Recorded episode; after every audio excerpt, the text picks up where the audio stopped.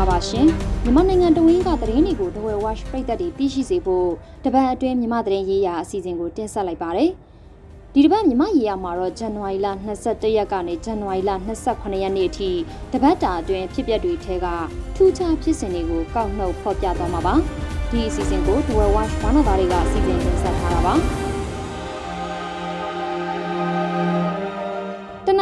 ပြစ်ခတ်တိုက်ခိုက်မှုရစဲရေးသဘောတူစာချုပ် NCA လက်မှတ်ထိုးထားတဲ့ပအိုင်းတပ်နဲ့စစ်ကောင်စီတပ်တို့တိုက်ပွဲတွေဖြစ်ပွားနေပါတယ်။စစ်မီးတွေဟာရှမ်းပြည်တောင်ပိုင်းအထိကူးဆက်လာတာဖြစ်ပါတယ်။စစ်တပ်အာဏာသိမ်းပြီးတဲ့နောက်မှာနိုင်ငံတော်ဝင်လက်နက်ကင်တော်လှန်ကြပေမဲ့ပအိုင်းအမျိုးသားလွတ်မြောက်ရေးတပ်မတော် PNL PNL ဟာစစ်ကောင်စီနဲ့နိုင်ငံရေးအရာဆွေးနွေးရေးလမ်းကြောင်းကိုပဲရွေးချယ်ခဲ့ပါတယ်။ဒါပေမဲ့အာမခံချက်ရှိတဲ့နိုင်ငံရေးရလဒ်တစုံတရာမရဘူးလို့ PNL ကဆိုပါတယ်။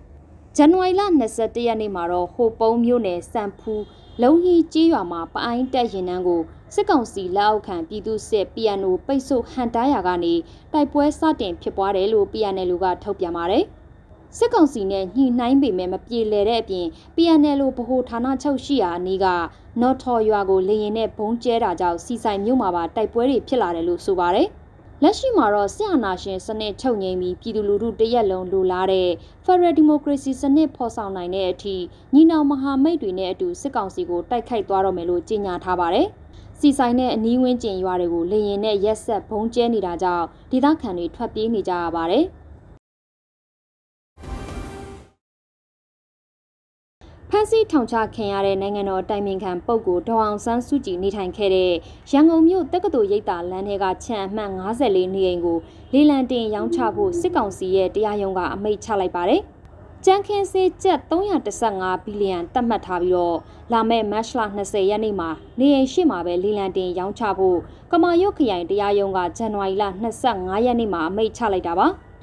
ခြံအမှတ်54ဟာမြန်မာဒီမိုကရေစီအပြောင်းလဲမှာတမိုင်းဝင်နေရာတစ်ခုဖြစ်ပြီးတော့အမေရိကန်သမ္မတအိုဘားမားအပါအဝင်အထင်ကရကမ္ဘာခေါင်းဆောင်တွေလာရောက်ဖူးတဲ့နေရာဖြစ်ပါတယ်။ဗိုလ်ချုပ်အောင်ဆန်းရဲ့ဇနီးဒေါက်ခင်ကြီးခေါင်းချခဲ့တဲ့နေရာဖြစ်တယ်လို့သမီးဖြစ်သူငိမ့်ချမ်းရေးနိုဘယ်ဆုရှင်ဒေါအောင်ဆန်းစုကြည်နေအိမ်အကျယ်ချုပ်နဲ့15နှစ်နီးပါးနေထိုင်ခဲ့ရတဲ့နေရာလည်းဖြစ်ပါတယ်။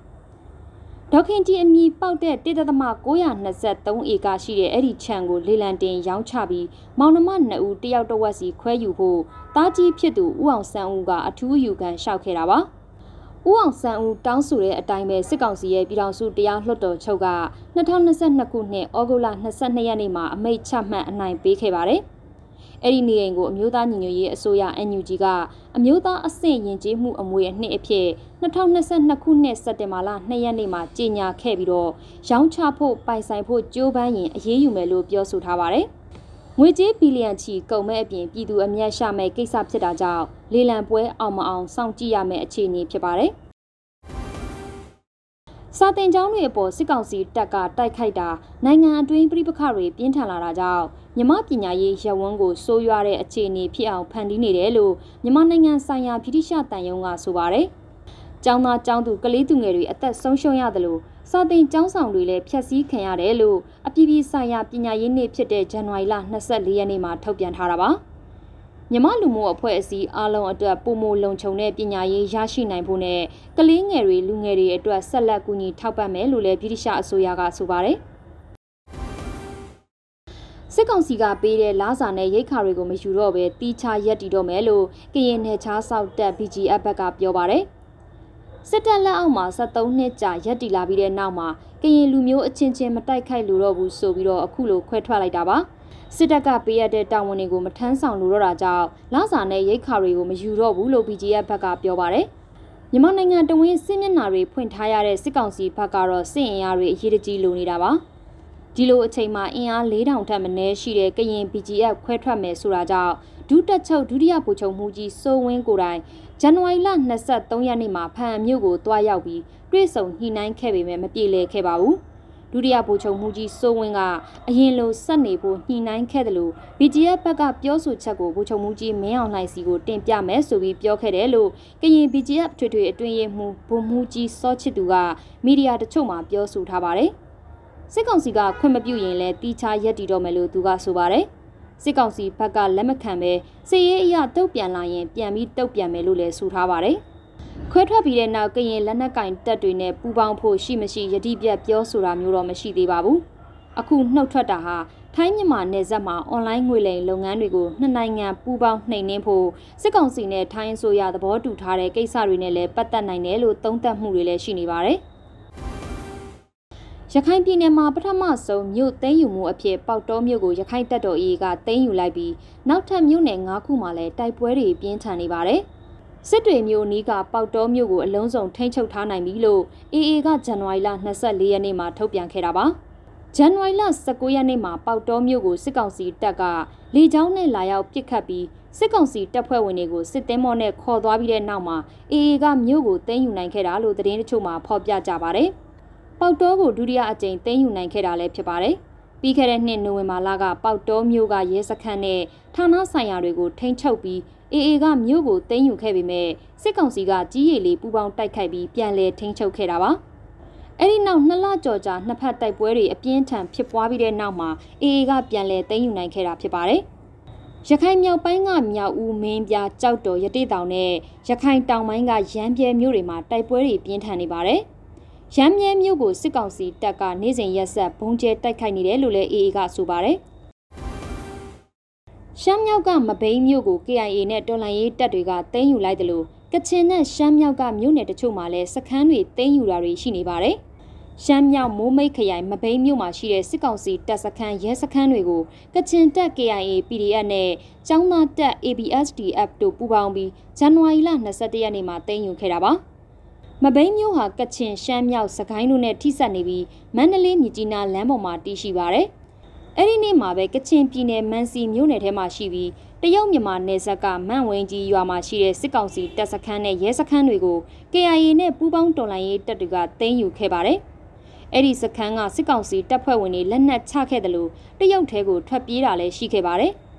ဖကတ်မြို့နယ်ရိခါရွာကစစ်ကောင်စီတပ်စခန်းနဲ့ရဲစခန်းတွေကိုလည်း KIA နဲ့ပူးပေါင်းအဖွဲ့တွေကဇန်နဝါရီလ20ရက်နေ့မှာသိမ်းယူခဲ့တယ်လို့ရှမ်းမြောက်ကွတ်ခိုင်မြို့နယ်နတ်ဖက်ကရွာကစစ်ကောင်စီတပ်ရင်းကိုလည်းဇန်နဝါရီလ24ရက်နေ့မှာသိမ်းယူခဲ့ပါတယ်။မိုးမိတ်မြို့မှာလည်းစစ်ကောင်စီတပ်စခန်းနဲ့ရဲစခန်းတွေကိုသိမ်းယူတာတွေရှိနေပါတယ်။လောက်ကင်မှာဒေတာကွက်ကဲမှုစစ်ဌာနချုပ်လက်နက်ချခဲ့တဲ့တပ်မှုတွေထဲက3ဦးကိုတည်တံချတယ်လို့ပြည်တွင်းသတင်းတချို့မှာဖော်ပြကြပါဗျ။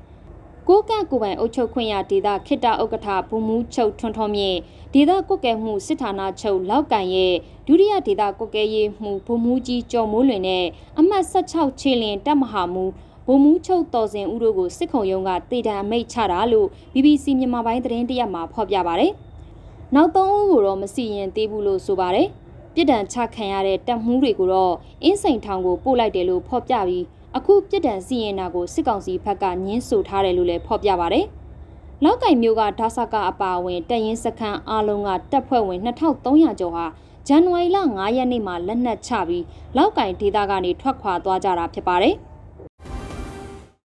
တိုက်ပွဲတွေကြောင့်အိန္ဒိယနိုင်ငံထဲကိုထွက်ပြေးသွားတဲ့စစ်ကောင်စီတပ်သားတွေကိုလာရောက်တည်ဆောင်တဲ့စစ်ကောင်စီတပ်လေရင်တစင်းဟာပြေးလန်းချော်ပြီးလေရင်ပေါ်မှာလိုက်ပါလာသူ၈ဦးဒဏ်ရာရပါတယ်။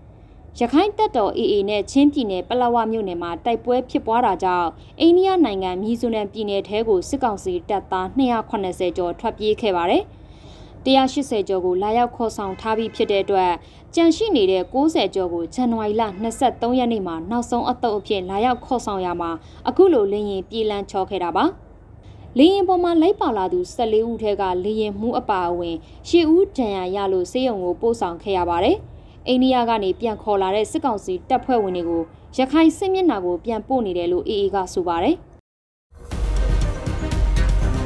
ပရိသတ်ပေါင်းတို့ကိုရောစိတ်ပါကြမ်းမှချမ်းသာကြပါစေ။ကပ်ဘေးမျိုးမျိုးကနေအမြန်ဆုံးလွတ်မြောက်ပါစေလို့ဒဝဲဝိုင်းဝိုင်းတို့သားတွေကစုမုံကောင်းတောင်းအပ်ပါတယ်။နောက်တစ်ပတ်မှာလည်းမြမသတင်းရေးရာအစီအစဉ်ကိုဆက်လက်စောင့်မျှော်ကြည့်ရှုနားဆင်ပေးကြပါအောင်ရှင်။